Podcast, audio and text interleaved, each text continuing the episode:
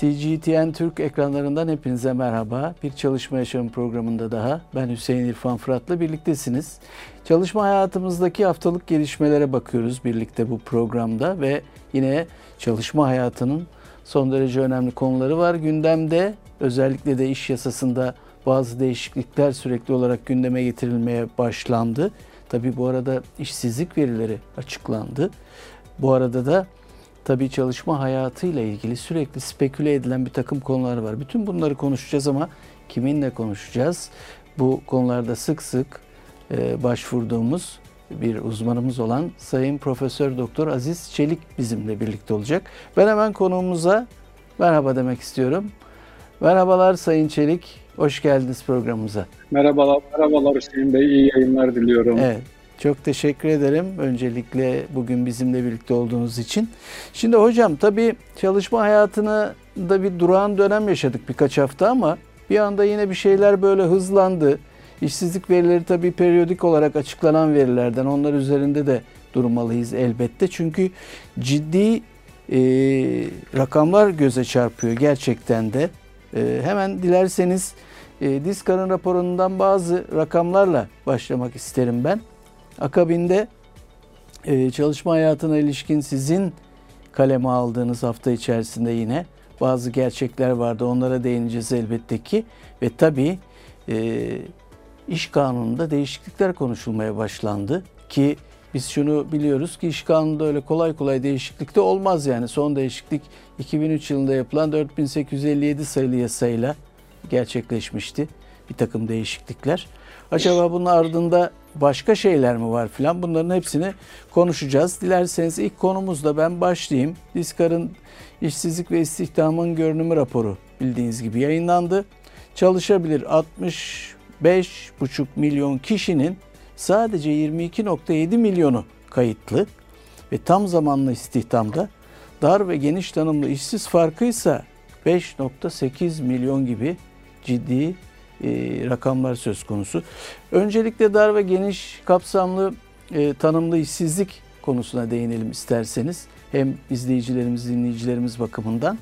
E, bu şekilde başlamış olalım ve aradaki bu farkın niçin bu kadar büyük olduğunu, tabii TÜİK'in tabii e, rakamları üzerinden gidiliyor. Metodoloji üzerine konuşalım çünkü TÜİK metodolojiyi de değiştirdi ama e, rakamlarda yine ciddi farklılıklar göze çarpıyor. Buyurun. Evet, şimdi işsizlik e, verileri en önemli sosyal verilerden e, biri. E, TÜİK işsizliği e, açıkladı ve dar tanımlı işsizlikte bir düşüş olduğunu hem oransal olarak hem de sayısal olarak bir düşüş olduğunu söyledi. Buna manşet işsizlik adını da veriyoruz. Manşet işsizlik ya da dar tanımlı işsizlik adını da veriyoruz. İşte manşet işsizlik 9'un altına düştü.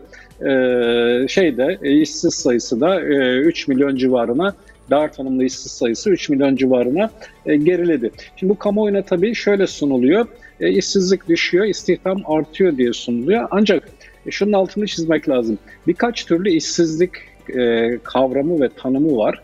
TÜİK geçmişte sadece bir işsizlik açıklıyordu. Dar tanımda işsizlik ya da manşet işsizlik açıklıyordu.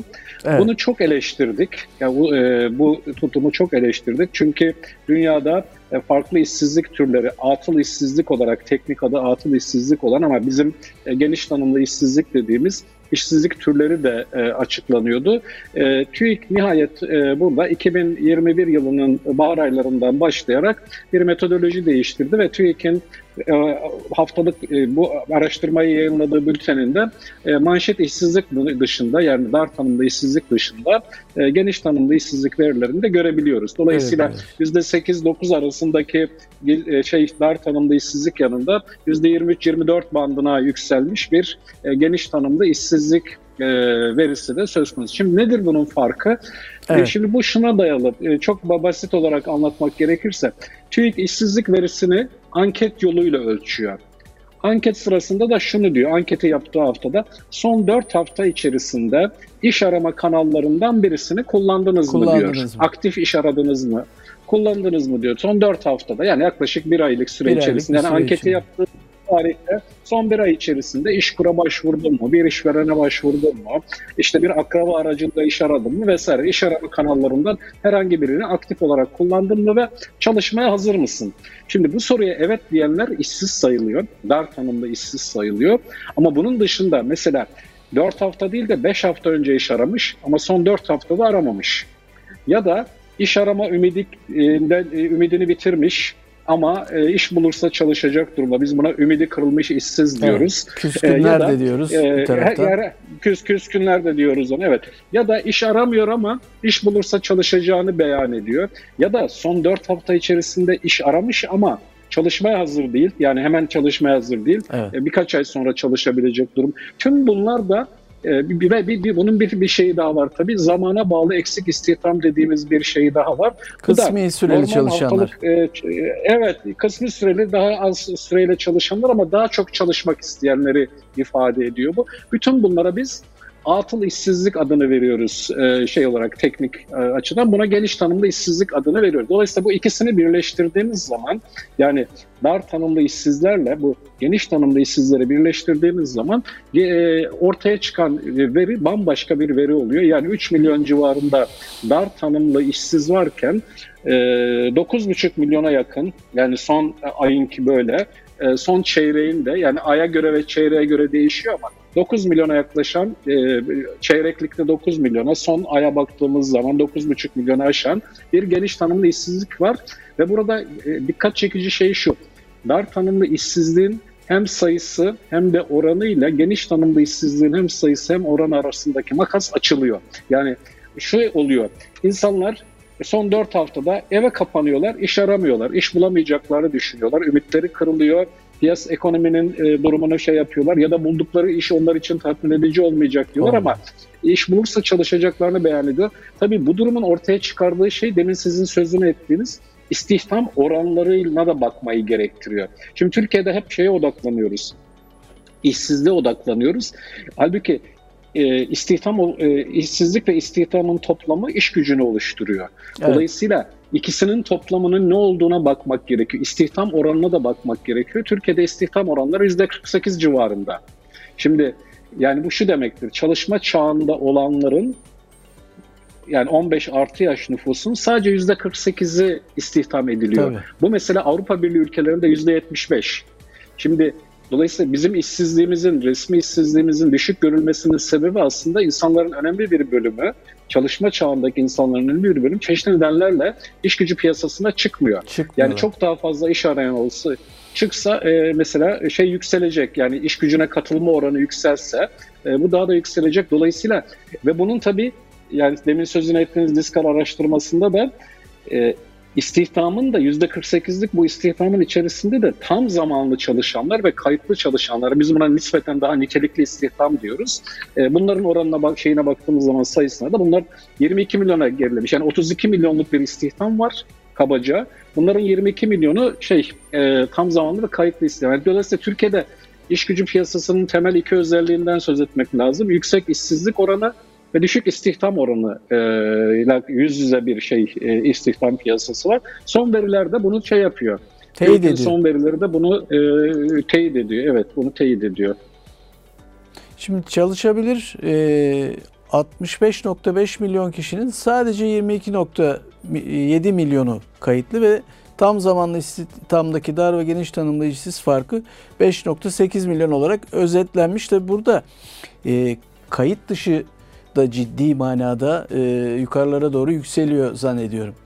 Kayıt dışı istihdam. Şimdi şöyle şöyle kayıt dışı istihdamda aslında e, son yıllarda bir düşüş oldu fakat bu yeterli e, seviyede değil. Yani özellikle e, sigorta primi ve vergi toplama amacıyla kayıt dışı istihdamın üzerine gittiler. Yani bunun da şey yapmak lazım. Özellikle şeylerin e, maaşların, ücretlerin bankadan yatırılması yaygınlaştırıldı. Bu kayıt dışı istihdamı biraz düşürdü ama gene de mesela kentsel alanlardaki kayıt dışı istihdam %20 civarında genel kayıt dışılık da %30'lar civarında olmaya devam ediyor. Yani yüksek bir oran ama geçmişe göre bir miktar e, azalma oldu. Bunun da temel sebebi çünkü kayıt altına aldığınız zaman vergi alıyorsunuz, sigorta primi alıyorsunuz. O açıdan kayıt altına alma konusunda hükümet 2000'li yıllarda bazı önlemler aldı ama çok ciddi bir kayıt dışılık var veya kısmi kayıt dışılık var. Sizin de çok iyi bildiğiniz yani ücreti başka gösteriliyor. Kayıt çift bordro bildirimi başka Çift bordro dediğimiz uygulama var ya da işte asgari ücret ödüyor fakat e, bir miktarını elden geri alıyor. Ya bunlar şeyde e, nedir e, iş, iş gücü piyasasında e, çok gördüğümüz örnekler. Yani resmi kayıt dışılıktan farklı olarak bir de çift borcu uygulaması nedeniyle kısmi kayıt dışılığın da e, hesaba katılması ya da dikkate alınması gerekir. Bu da tabii şeyi azaltıyor. E, tam zamanlı ve kayıtlı istihdamı azaltıyor. Tabii bir cümlede şeyi söylemek lazım. Bu tam zamanlı ve kayıtlı istihdamın da çok az bir bölümü sendikalı istihdam oluyor. O da Değil zaten mi? Orada da öyle bir problemimiz var. E, tabii, tabii tabii çok ciddi bir problem de o. Yani 22 milyon civarında şey var. E, kayıtlı ve tam zamanlı istihdam var. E, yani toplu sözleşmeden yararlanan e, sendikalı işçi sayısı da 2 milyon civarında. Yani e, çok ciddi bir e, şey yani istihdamın niteliğine baktığınız zaman kayıtlı olması, tam zamanlı olması bir de örgütlü olması önem taşır. Yani Tabii. sadece kayıtlı olması yetmez. Öyle baktığımız zaman da istihdam alanında çok ciddi bir esneklik var. Biraz sonra konuşacağımız diğer meselelerle e, birlikte aslında bu da ciddi bir sorun. Ciddi bir sorun tabii bu arada e, hizmetler sektöründeki istihdamın daha yoğun olduğu da göze çarpıyor değil mi hocam? Yani geçici işler, tabii, yani e, niteliksiz işler, e, işte temizlikti, e, tabii, e, hizmet, güvenlikti vesaireydi. Hiz, hizmet sektörü tabii toplam istihdamın e, yarısının çok üstüne çıktı. Uzun bir süredir yarısının çok üstüne çıktı. Evet, genişliyor. Dolayısıyla e, tarım istihdamı zaten geriliyor. Sanayi istihdamının da e, belli bir sınırı var. Yani onun ötesine e, geçemez sanayi istihdamı. Hizmet, hizmet sektöründe istihdamın yaygınlaşması dediğiniz gibi hizmet sektörü sanayi sektörüne göre esnek çalışmanın, dağınık çalışmanın, kuralsız çalışmanın daha yaygın olduğu daha bir yaygın. sektör. Belirsiz işlerin, güvencesiz işlerin daha yaygın olduğu bir sektör ve bir başka açıdan da çalışanların daha atomize olduğu ve örgütlenmesinin zor olduğu bir sektör. Yani sanayi sektöründe e, aynı fabrikada, aynı koşullarda çalışan işçilerin hareket kabiliyeti daha fazladır ama sanayi sektöründe e, o kadar fazla çalışma biçi, o kadar esnek çalışma biçimleri var ki burada hem esneklik artıyor, güvencesizlik artıyor hem de örgütsüzlük artıyor. Türkiye'de baktığımız zaman sendikalaşma oranlarında da bu tip bir asimetri var. Yani sanayi e, sendikalarının sanayi iş kolundaki, sanayi sektörlerindeki örgütlenme daha yüksek. Yani %15-17'ler civarına çıkabiliyor sanayi. Ama hizmet sektörüne geldiğimiz zaman buralarda %5'ler civarına gerilediğini, inşaatta daha e, aşağıya çekildiğini biliyoruz. Bu da o sektörün yapısal özelliklerinden kaynaklanıyor. Tabii geçici sözleşmelerle yapılan işler genellikle birer yıllık, ikişer yıllık sözleşmelerle yapıp evet. bitiyor. İş bittiğinde çalışanlar da işsiz kalıyorlar dolayısıyla. Şimdi hocam şöyle yapalım dilerseniz. Sizin tabii hafta içerisinde çok önemli konulara başlıklarıyla değinip onların gerçeklerini açıklamaya yönelik bir yazınız oldu Bir Gün Gazetesi'nde. 10 ee, maddeden oluşmakla birlikte tabii zamana e, bağlı olarak belki de hepsine değinemeyeceğiz ama bunlar içerisinde mesela benim dikkatimi hemen çekenlerden biri emeklilerin durumu ortada. E, sosyal güvenlik açığı büyüyor. Emeklinin bütçeye yükü artıyordan başlayalım isterseniz. Safsatalar evet, diyorsunuz e, siz çalışma, bunlara tabii ki.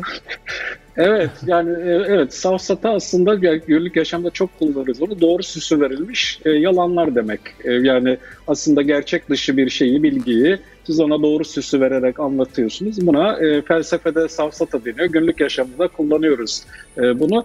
Çalışma hayatında da son zamanlarda e, ya bu bu safsataların bir kısmı çok uzun zaman vardı. E, başkaları da var.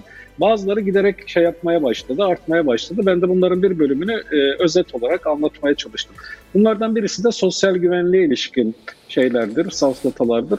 Aslında bunu safsatalar... Kaynak yokla e, birleştirelim e, 1990... isterseniz hocam. Kaynak yokla birleştirelim. Tamam. Tabii tabii. tabii hem 1999'daki sosyal güvenlik yasaları değişirken hem 2006 ve 2008'de değişirken bunlar çok ileri sürüldü. Bunlardan birisi işte emekliler, sosyal güvenlik, bütçeye yük, kamuya yük, kaynak yok ve benzeri şeyler işte SGK batıyor, eskiden SSK batıyor gibi şeyler ileri sürülürdü. İşte e, şey, SGK'nın ya da SSK'nın açıklarını şeyden karşılıyorlar, hazineden, hükümetten karşılıyorlar. Çok çeşitli şeyleri olan, versiyonları olan, olan. şeyler bunlar, safsatalar ama özet olarak şuna dayalı. Yani sosyal güvenliğe kamu kaynaklarının ayrılmasının çok anormal bir şeymiş gibi ol, olduğunu iddiasına dayanıyor bunlar. Yani sosyal güvenliğe kaynak ayrılması çok anormalmiş. E, bütçeden, e, hazineden sosyal güvenliğe transfer yapılması çok anormalmiş varsayımına dayanıyor. Aslında bu yani bildiğimiz klasik liberal yaklaşımın ve neoliberal yaklaşımın şeyi e, ileri sürdüğü safsatalardan birisi. Şimdi bunu şunu söylemek lazım. Önce kaynak meselesine e, kısaca değinmek isterim. Şimdi e, kaynak yok emekliye zam veremiyoruz. Kaynak yok memura maaş veremiyoruz. Kaynak yok asgari ücreti artıramıyoruz. Bunları her zaman duyuyoruz. Şimdi devlet açısından kaynak meselesi şudur. Devlet kaynak yaratır. Devletin zaten özelliği budur. Yani devlet kaynak yaratır. Devlet e, kaynak bulur, kaynak yaratır. E, bunun için şey olması gerekmez. Yani e, bunun bir yeri olması gerekmez. Yani gider e, vergi toplar, kaynak yaratır, para basar. Dolayısıyla devlet açısından kaynak yaratmak diye bir sorun Gibi yoktur. Bir sorun yok. Bize şöyle söyleniyor hep. Bu e, bu şöyle söyleniyor bize, e, kasada para yok. E, kasada para yoksa devlet para bulur, para yaratır, toplar. E, bu devletin yükümlülüğü ve görevi. De, bu zaten devletin yetkisinde olan bir şey. Yani devletin bir zor kullanma yetkisi var, bir de kaynak yaratma yetkisi var. Yani kaynak devlet bulur. Tabii Önemli ki. olan şudur, devlet bu kaynağı nasıl bulacak ve kime dağıtacak meselesidir e, sorun. Yoksa kaynak meselesi var. Şimdi e, şu anda 2024 bütçesinde e, vazgeçilen vergiler ya da e, vergi harcaması olarak ifade edilen kalemlerin toplamı yanlış anımsamıyorsam 2.7 e, trilyon ya da 2.3 mü? Şimdi karıştırıyor olabilir ama toplam bütçe gelirlerinin %30'una yakın Evet. Şimdi dolayısıyla devlet bazı bazı vergileri toplamaktan vazgeçiyor vergi harcaması diye. Bunun içinde elbette asgari ücret desteği de var ama bunun dışında mesela bunun içerisinde katma değer vergisi desteği var, kurumlar vergisi desteği. Devlet bunları toplamıyor. Diyor ki bunları ben size teşvik ve transfer olarak bırakıyorum diyor. Şimdi dolayısıyla devlet kaynak istediğinde bulabilir ya da bütçeden e, sosyal güvenlik primleri için işverenlere 5 puan şey veriliyor. Her yıl destek veriliyor. Bunun toplamına baktığınız zaman 15 yıllık toplamına baktığınız zaman bugünkü parayla 1.7 trilyon liralık bir kaynak e, ayırıyor. Dolayısıyla kaynak bulmak sorun değil. Önemli olan kaynak tercihiniz ne olacak? Şimdi Tabii e, işçiden, e, emekliden, memurdan kaynağı kesip başka tarafa aktardığınız zaman kaynak bulmuş oluyorsunuz. Dolayısıyla ben bu kaynak yok şeyinin e, iddiasının tamamen e, savsat olduğunu bir tercih meselesi olduğunu düşünüyorum. Bunu da şey zaten şeyden görüyoruz yani e, devletin çeşitli alanlara ayırmış olduğu kaynaklar varken bazı alanlara kaynak ayıramadığını e, görüyoruz. Demek ki kaynak var. Şimdi Sosyal Güvenlik Kurumu'na yük mü emekliler ya da devlete bütçeye yükmemekteler. Buradan bakmak lazım. Şimdi şu gerçeği unutmadan bunu konuşamayız. Türkiye'de 16 milyondan fazla emekli var. Bu şu demektir. Türkiye'de en büyük toplumsal gruplardan birisi emeklilerdir. Emekliler. Yani işçilerden sonra e, emeklilerdir en büyük toplumsal gruplardan birisi ve giderek nüfus yaşlandıkça da bu sayı giderek artacak. Şimdi Emeklilerin nüfusa oranı giderek artıyor. %12'lerden %16'lara 17'lere çıkmış durumda son 10-15 yıllık şeyden konuşacak olursak. Şimdi burada ne beklenir? Bütçeden e, emeklilere ayrılan kaynakların artması, emekli aylıklarının gayri safi yurt içi hasılaya e, oranının artması gerekir. Artması İkisine de gerekir. baktığımız zaman ikisi de düşüyor. İkisi de düşüyor. Şimdi ikisi de düşüyor ve Sosyal Güvenlik Kurumu'nun e, bütçe dengesine baktığımız zaman Sosyal Güvenlik Kurumu'nun bütçesi dengede. Yani Sosyal Güvenlik Kurumu'nda şöyle Eksi bir şey Sosyal vermiyor. Güvenlik Kurumu'nun prim Evet, Sosyal Güvenlik Kurumu'nun prim gelirleriyle devlet katkısı toplamı, devlet katkısı artık yasa gereğidir. Devlet katkısı toplamı şey e, Sosyal Güvenlik Kurumu'nu döndürüyor. Yani Sosyal Güvenlik Kurumu'nda büyük bir açık oluşuyor ve şeyler açık dedikleri katkı dedikleri şey işte şu tamamlama işleminden dolayı evet. bir şey oluyor. İşte bu ikramiye verdikleri zaman o yapılıyor. E, fakat e, sorun şu. Bütçeden bakacağımız şey şu. Bütçeden e, Sosyal Güvenlik Kurumu'na yapılan transfer harcamaları artıyor mu, azalıyor mu bakmamız. Temel şeyimiz, kriterimiz bu. 2008'den bu yana şey yaptığımız zaman, baktığımız zaman Sosyal Güvenlik Kurumu'na yapılan bütçe ödemeleri yaklaşık %5'lerden %2,5, %3'lere doğru gerilemiş durumda. Yani gayri safi yurt içi hasılaya oranına baktığımız zaman. Şimdi dolayısıyla burada bir yük olmaktan söz etmek bir yana Tabii. Gayri safi yurt içi hasılaya göre oranı düşen bir şey Düşmüş. şey söz konusu burada. Bunu da şeyden anlıyoruz zaten. Şimdi emekli aylıklarının düşmesinden bunu zaten anlıyoruz. Şimdi e, şöyle bir tablo olabilir mi? Bir yandan emekli sayısı artmış, oranı da artmış. Ama öbür taraftan e, emeklilere Emekli yapılan bütçe transferlerinin gayri safi yurt, yurt içi hasılaya oranı düşüyor. Bunun adı anlamı nedir? Emekli aylıkları düşüyor. düşüyor. Nitekim baktığımız zaman emekli aylıklarının asgari ücreti oranına, işte ortalama ücreti oranına, memur maaşlarına oranına baktığımız zaman emekli aylıklarında ciddi bir düşüş var. Dolayısıyla Türkiye'de tam tersine emekliler yoksullaşıyor, emekliler yük olmak bir yana emeklilere e, milli gelirden daha az kaynak ayrılıyor. Yani emeklilere bütçeden daha az kaynak ayrılıyor. Dolayısıyla daha fazla ayrılması mümkündür. Yani o yüzden buna ben e, şey diyorum, e, safsata diyorum. Bu yolla tabii şeyin yolunu yapmaya çalışıyorlar. Onu da söylemek lazım. E, tamamlayıcı emeklilik sisteminin Tabii. yolunu yapmaya çalışıyorlar. Yani bu biz size kamusal emeklilik sisteminden yeterli kaynak veremiyoruz. Şu kıdem tazminatlarınızı bir verin bize. Biz de onları size tamamlayıcı emeklilik sistemi kapsamında onları şey yapalım, e, bir takım özel fonlara yatıralım diye onun yolu yapılıyor. Yani o, o açıdan da safsata bu iddia. Tabii. Böyle de bir projeleri var. Şimdi hocam e, ücretlerle alakalı olan hurafelere dönelim isterseniz biraz da. Asgari ücret artarsa işsizlik artar. Birbiriyle bağlamaya çalışıyorum ki birleştirelim ve daha hızlı gidebilelim diye. E, Emekliye müjde safsataları, emeklileri konuştuk zaten. Asgari ücret artarsa işsizlik artar. Ee, enflasyonun sebebi ücretler ve alım gücü.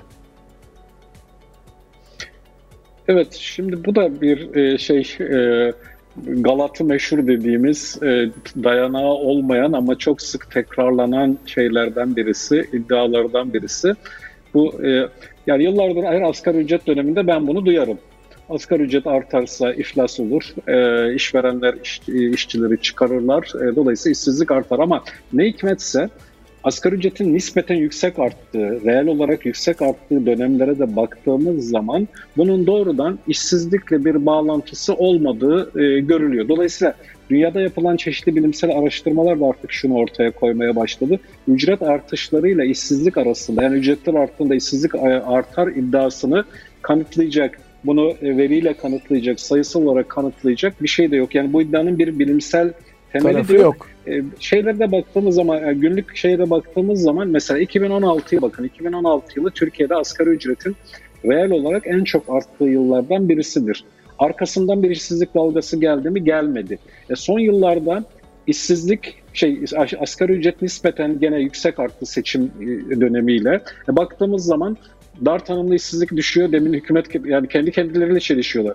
Dar tanımlı işsizlik düşüyor. İstihdam sayısında nispeten bir artış var. Yani geniş tanımlı işsizlikte şey var ama e, kendi verileri içerisinden baktığımızda bunu kanıtlayacak e, bir şey e, söz konusu değil. Yani dolayısıyla Türkiye'de olan şu.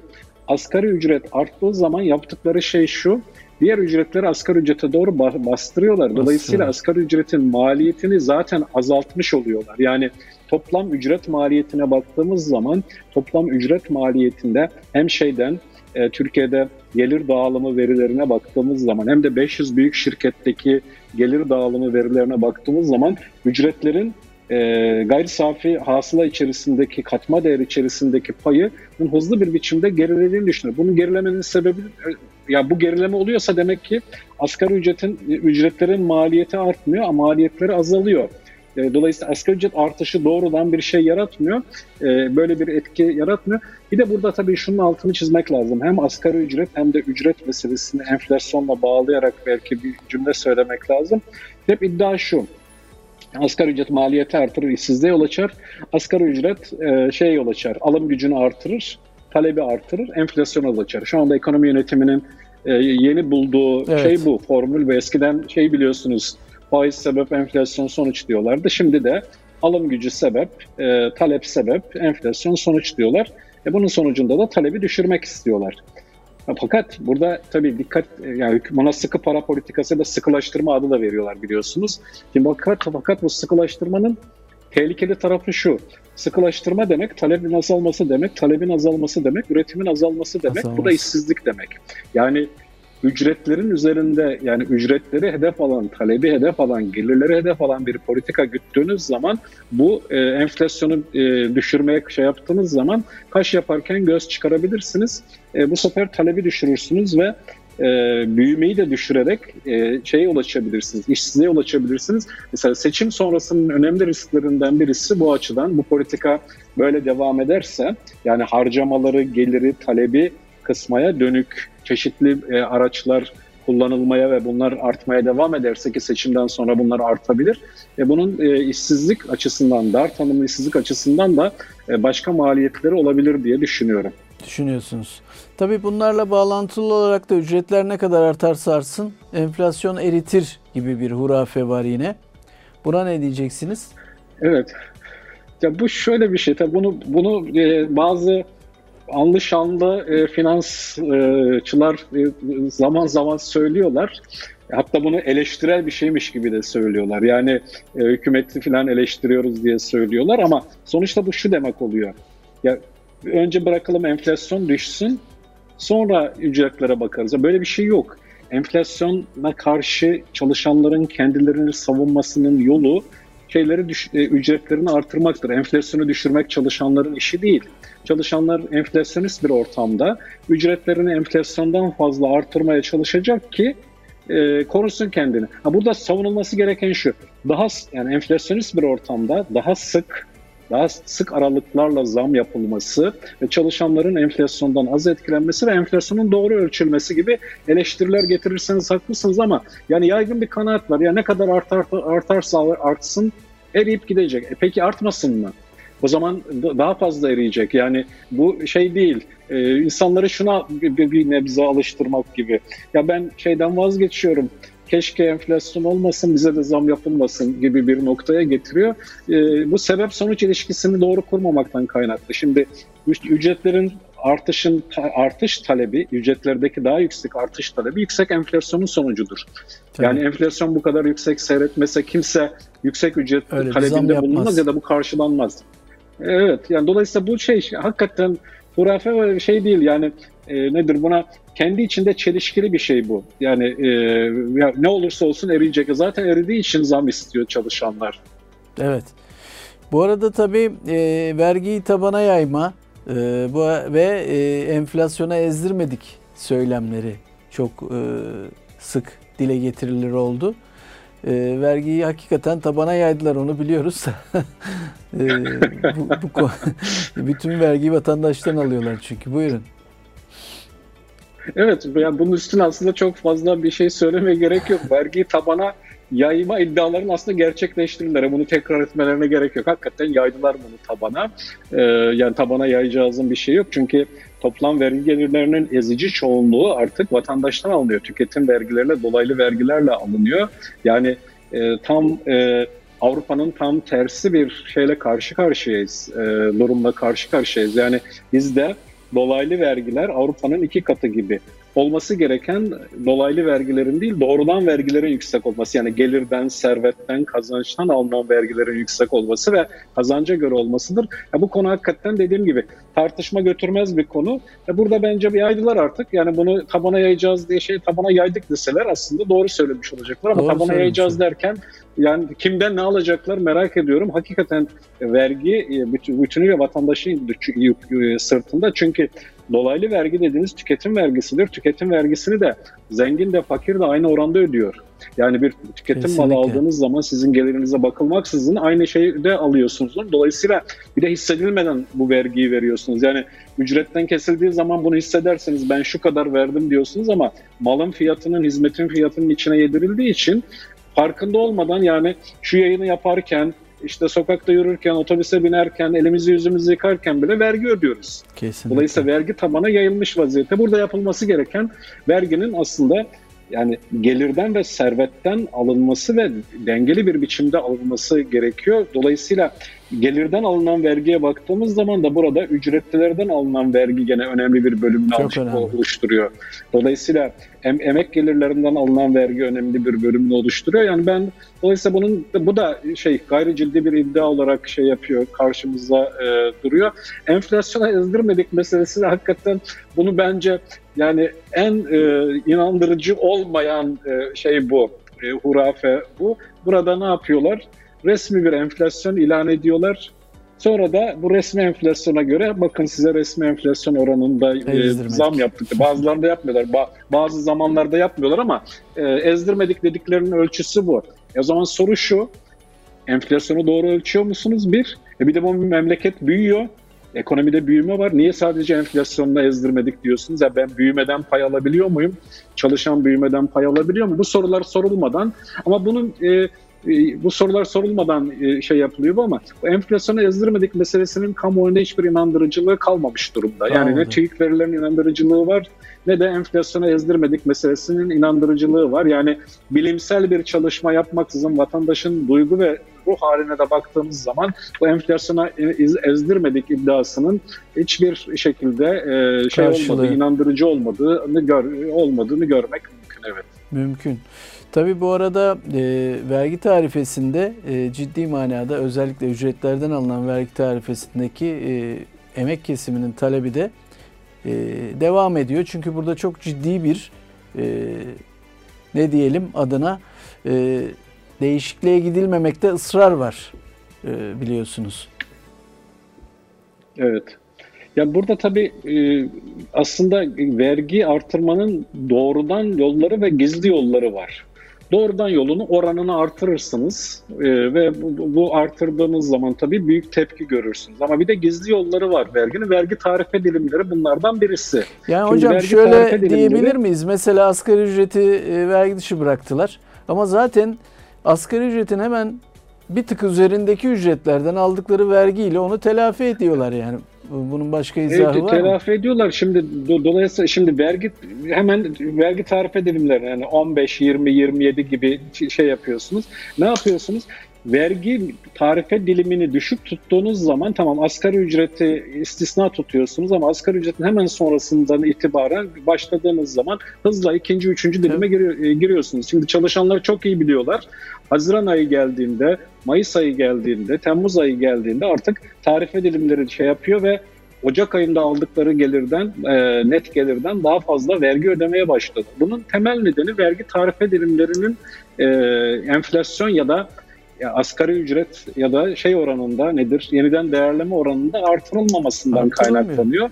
Yeniden değerleme oranı, yeniden değerleme oranı devletin uyguladığı harç ve vergilerin ne kadar olacağını bilir. Şimdi siz devlet olarak harç ve vergilerin ne kadar olacağına karar verirken bir yeniden değerleme oranı kullanıyorsunuz ama yeniden değerleme oranını mesela şeye yansıtmıyorsunuz vergi tarife dilimine ya da asgari ücret artışı yani ücretlerin eğer en temel şeyi asgari ücretse büyük çoğunluk bununla çalışıyorsa asgari ücret artışı oranında artırmazsanız vergi tarife dilimlerini e, vergi tarife dilimleri nerede kalıyor? 110 bin lirada kalıyor. Şimdi eğer asgari ücret ya da yeniden değerleme oranı olsaydı kabaca 280 bin lira civarında olması lazımdı ilk tarife diliminin.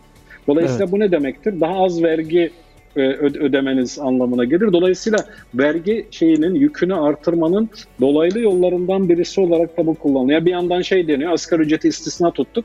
İstisna tuttunuz ama öbir taraftan geri alıyorsunuz bunu. Evet. Yani e, Kaşıkla. asgari ücretin istisna tutuluyor ama öbür taraftan tabii, geri asgari ücretin bir tık üstü e, bir, bir tık üstündeki şey devam ediyor. E, nedir? Vergi meselesi devam ediyor. Bir de bütün vergi gelirlerini aynı bütün gelir e, kalemlerini aynı şekilde vergilendirmek de doğru. 2016 2006 öncesinde ücret gelirleriyle diğer gelirler arasında 5 puan fark vardı. Yani ücret gelirleri 5 puan daha az vergilendirilirdi. Yani %10'dan başlardı. %15-20 diye giderdi. E diğer gelirler yani mesela siz şirket ortağısınız gelir elde ettiniz. O da gelir vergisi. Ücretle çalışıyorsunuz o da gelir vergisi. Dolayısıyla bunların arasında da bir fark gözetmek lazım. Yani ücret geliriyle diğer e, Kesinlikle. şeylerin, kazançların, diğer gelirlerin de tüm bunlara baktığımız zaman aslında vergilendirme mesela dediğiniz gibi tavana yayılmış vaziyette yapılması gereken bunun tavana yayılmasıdır esas olarak. Evet. Peki hocam isterseniz son bölümde de e, şu günlerde yeniden gündeme getirilen işte iş kanunundaki değişiklikler deniliyor ama böyle basına sanki sızdırılıyor bunlar ve e, tartışılması isteniliyor. E, nabız yoklamak manasında. E, bir takım e, özellikle belirli basın e, grubu e, gündeme alıyor sürekli bu konuları. En sonunda çalışma saatlerinin düşürülmesi ki çok aslında evveliyatı olan bir konudur. Çünkü Türkiye'de çalışma saatleri e, Avrupa Birliği ülkelerinden, OECD ülkelerinden aslında belki iş kanunumuzda haftalık çalışma süresi 45 saat olarak yer alıyor ama fiili olarak baktığınızda çok daha yüksek. Ama bütün bunların arkasında sanki e, işveren tarafının çok uzun zamandır talep ettiği ve gündeme getirdiği e, iş kanununda esneklik uygulamaları 4857 ile yeterli bulunmayan e, bir takım esneklik uygulamaları ki oldukça e, uzun bir liste var. Şu anda zamanımız sınırlı olduğu için ben hepsini dile getirmeyeceğim. Bunlar mı var acaba? Böyle bir e, beklenti oluştu. Özellikle de duyarlı kesimde, e, konunun ilgilileri olan kesimde e, bu işin arka planında başka e, plan mı var diye düşünülüyor. Siz de e, son e, Bir Gün Gazetesi'nde e, sizin de görüşünüz vardı. Aşağı yukarı siz de böyle düşünüyorsunuz. Şimdi bu e, dün bir, bir iki gündür e, çalışma saatleri düşün, düşürülüyor müjdesi. Biliyorsunuz bu müjde haberciliği çok şey oldu, yaygınlaştı. Çalışma saatleri düşürülüyor müjdesi e, yer almaya başladı ve bu tabii bu haber çok geniş bir kesim ilgilendirdiği için de yani iktidara yakın basın organlarında çıkan bu haber daha sonra e, her yerde yaygınlaştı. Şimdi halbuki ya şöyle bir şaşkınlık içindeyim bu konuda sendikalara, işveren örgütlerine ulaştırılmış bir taslak yok ortada. Yani çalışma saatlerinin düşürülmesine ilişkin bir hazırlık yapılıyor mu? Yapılıyor anlaşılan. Fakat bunun muhatabı olan yani sosyal taraf dediğimiz muhatabı olan kesimlerin bu çalışmadan haberi yok bu çalışmanın içerisinde değil. Böyle bir çalışma yani sosyal taraflarında içerisinde olduğu böyle bir çalışma yok ortada. Çünkü herkes ben bunu dün eleştirince sendikalardan da sorular geldi. Böyle e, bir şey mi var düşürülüyor mu vesaire gibi. Yani ortada şöyle bir şey yok. Çalışma saatlerinin düşürülmesi konusunda bir yasa tasarısı, te teklifi, taslağı hazırlandı, bunun üzerinde konuşuldu falan böyle bir şey yok. Bu e, çeşitli kanallarla basına fasıldanıyor. Şimdi bu Türkiye'de bu iş çok sık yapılan bir iştir. Bir konuyu olgunlaştırmak ve pişirmek istediğiniz zaman e, bunu fısıldarsınız, bunu belli bir şekilde yayarsınız ve bu konu etrafında bir e, şey yaratırsınız, tartışma yaratırsınız. Şimdi bu bunun arkasında yatan şey ne? E, esas mesele ne? Esas aslında ben e, birkaç hafta önce bunu bir günde yazmıştım. İş kanunlarını bir de konuşmuştuk bunu sizinle zaten tabii, tabii. bir programda daha konuşmuştuk. Konuşmuştuk. Evet. İş kanunlarını birleştirme yönünde bir çalışma olduğu biliniyor. Fakat bu çalışma yapılması gereken yerde yani Çalışma Bakanlığı, Çalışma ve Sosyal Güvenlik Bakanlığı bünyesinde, Üçlü Danışma Kurulu bünyesinde değil, Cumhurbaşkanlığı Hukuk Politikaları Kurulu bünyesinde yapılıyormuş. E, halbuki bizim Üçlü Danışma Kurulu dediğimiz iş kanununda yer alan bir kurumdur. Bu Üçlü Danışma Kurulu dediğimiz kurumun e, bu iş, işçi, işveren ve bakanlıktan oluşur bu. E, çalışma hayatına ilişkin yasa e, hazırlıkları yapma görevi de vardır bunun yönetmeliğinde. Çünkü Tabii. muhataplar orada, taraflar orada, işçi orada, işveren orada, hükümet orada otururlar, konuşurlar. E, üzerinde anlaşabilirlerse değişiklikler yapılır. Dolayısıyla bu işi danışma kurulu iş kanunu yapılırken 4857 sayılı yasa yapılırken Türkiye'nin onayladığı üçlü danışmaya ve sosyal diyaloğa ilişkin İLO Sözleşmesi'nin gereği olarak kanuna konmuştur. Yani bu işleri burada yapalım diye. Tabii. Fakat bu işli danışma kurulu yıllardır toplanmadı. En son pandeminin başlangıcında o zamanki Sayın Bakan topladı. Bir de geçtiğimiz günlerde e, yeni bakan e, Vedat Işıkhan e, topladı. Bir de Orada hocam da bu konuşuldu. E, yanlış hatırlamıyorsam yani 4857'nin öncesinde beşli bir e, kurul vardı değil mi? Hocalardan oluşan. Öyle hatırlıyorum. Tabii o ayrı iş kanunu iş kanununun yapılması sırasında bir kurul oluşturulmuştu. Evet. Orada çeşitli sendikalar, işveren örgütleri ve hükümetin de şey yaptığı e, nedir önerdiği çeşitli öğretim üyelerinden oluşan bir bilim kurulu vardı ama o bilim kurulu da sonuçta tarafların Bravo, bilim kurulu, e, evet. karşılıklı olarak konuştuk konuştukları ve kendi öneriler oluştu. Yani bir taraflar dedi ki ya ben şunu öneriyorum, ben şunu öneriyorum. Sonuçta üzerinde mutabık kalınan bir bilim kurulu çıktı. O bilim kurulu taslak hazırladı vesaire. Ama şu anda yürütülen çalışmaya baktığımız ya yürütüldüğü belirtilen çalışmaya baktığımız zaman bir sosyal diyalog mekanizması kullanılmıyor.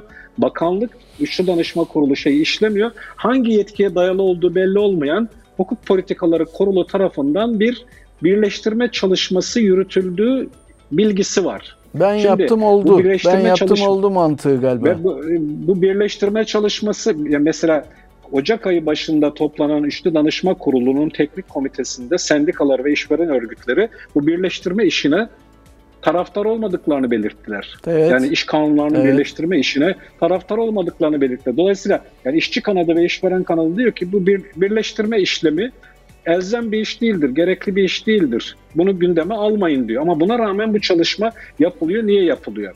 Şimdi ben şöyle yorumluyorum bunu. Yani usulden bir hata var burada. Usul bir kere hukuksuz. Yani bu işin muhataplarla yapılması gerekir. Esası nedir diye şey yapacak olursanız ben şimdi bu işin yani bu çalışma saatlerinin düşürülmesi ve benzeri diğer şeylerin, kanunlardaki farklılıkların giderilmesi gibi şeylerin işin daha çok e, sosu ve kaplaması olduğunu düşünüyorum. Esas tehlike e, iş kanunları birleştirilirken çalışma hayatının daha da esnek hale getirilmesidir. Bunu orta vadeli programda görüyoruz. Evet. Orta vadeli programda Merkez Bankası'nın e, şeyinde de görüyoruz bunu. Son enflasyon programında da görüyoruz. Burada dile getirilen şeylere baktığımız zaman, taleplere baktığımız zaman e, çalışma hayatındaki var olan bazı esneklik şeylerin, esnek e, çalışma biçimlerinin daha da derinleştirilmesi şeyi mesela orta vadeli programda açıkça yazılıyor. Yani orta vadeli programda çalışma mevzuatımızdaki esneklik uygulamalarının taraflarla anlaşarak genişletilmesi diye bir ifade var onda. Şimdi buradan anlaşılanlardan en önemlisi şu, özellikle belirli süreli çalışmanın şartları var. Bunları kaldırmak istiyorlar ve belirli süreli çalışmayı sıradan bir çalışma haline getirmek istiyorlar.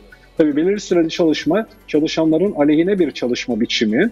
E, bunu yaygınlaştırmak istiyorlar. Yani daha esnek bir çalışma. Aynı şekilde krem tazminatını şeye katmak istiyorlar. E, ikinci Sonra. emeklilik sistemiyle tamam tamamlayıcı emeklilik sistemiyle. E, krem tazminatı şu anda 1475 sayılı yasanın yürürlükte olan tek maddesidir. Hadi şimdi kanunları birleştirirken kıdem tazminatına ilişkin bu kanunu da şey yapalım, aradan çıkaralım olabilir. Dolayısıyla ben bu şey kısmını yani çalışma saatlerinin düşürülmesi gereklidir. Türkiye 1980'li yıllardan bu yana 45 saatlik çalışma haftası uyguluyor. Bunun düşmesi gereklidir. 40'a 37,5'a düşmesi gereklidir ama şunu unutmamak lazım. Türkiye'de yasal çalışma süreleri bile halen uygulanmıyor.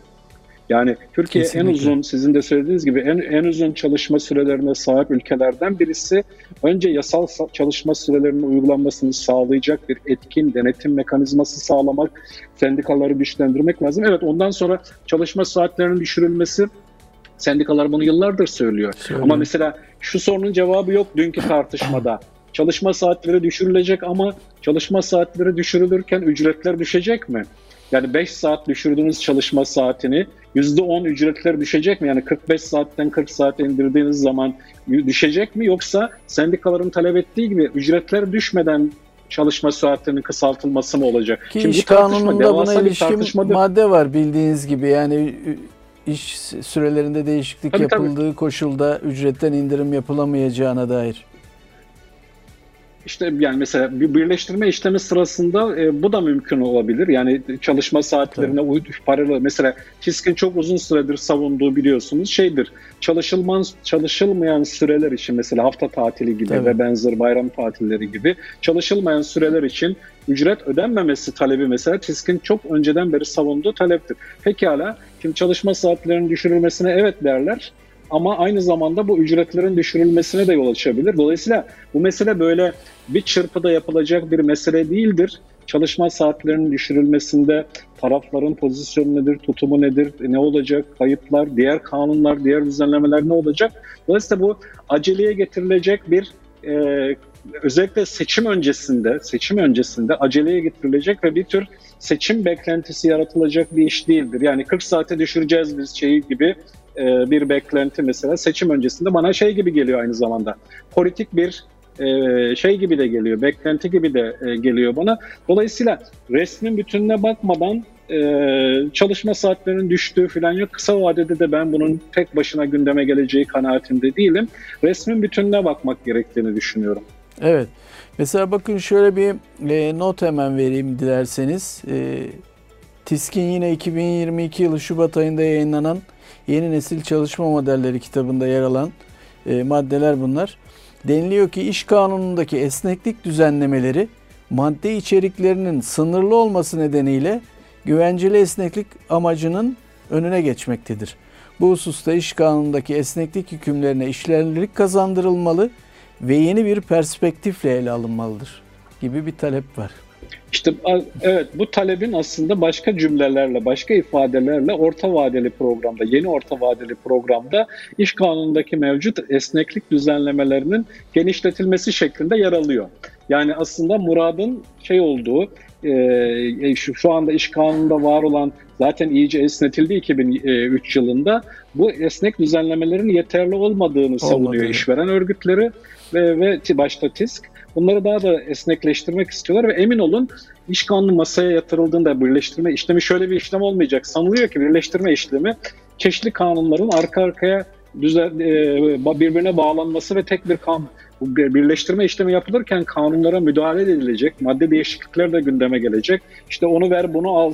Yani çalışma saatlerini 40 saate indiriyoruz ama e, bu, bu taraftan da e, belirli süreli hizmet sözleşmesindeki koşulları kaldıralım, esnekleştirelim gibi tartışmalar gündeme gelecek. Yani bu kadar basit bir şey e, değildir ve arkasında ciddi bir risk vardır. E, bu nedenle de bu mesele tarafların doğrudan müzakere etmediği bir ortamda ortaya atılacak bir e, şey değildir. Yani o yüzden Değil, ben bu tabii. çalışma saatleri düşürülecek iddiasını son derece spekülatif, seçim öncesi bir tür beklenti yaratmaya dönük şey olarak görüyorum.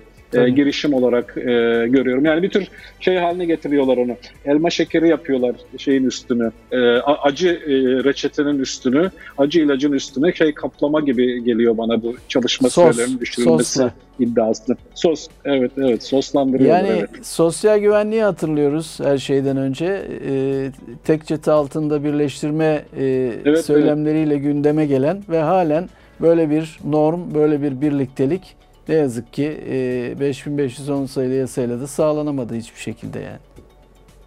Peki hocam. Evet çok güzel belirttiniz onu. Yani sosyal güvenlik bu konuda aslında en tipik örneklerden birisi yani bu tek çatı ve tek mevzuat iddiasının en vahim şeylerinden birisi sosyal güvenlik. güvenlik. Çok doğru söylediniz. Peki. Hocam çok teşekkür ediyorum katılımınız ve değerli, değerli açıklamalarınız için. Hakikaten çok aydınlatıcı oldu bizim açımızdan da. Tekrar teşekkürler ve iyi günler diliyorum size. Ben teşekkür ederim. Evet, e, bu haftaki Çalışma Yaşamı programının böylece sonuna geldik.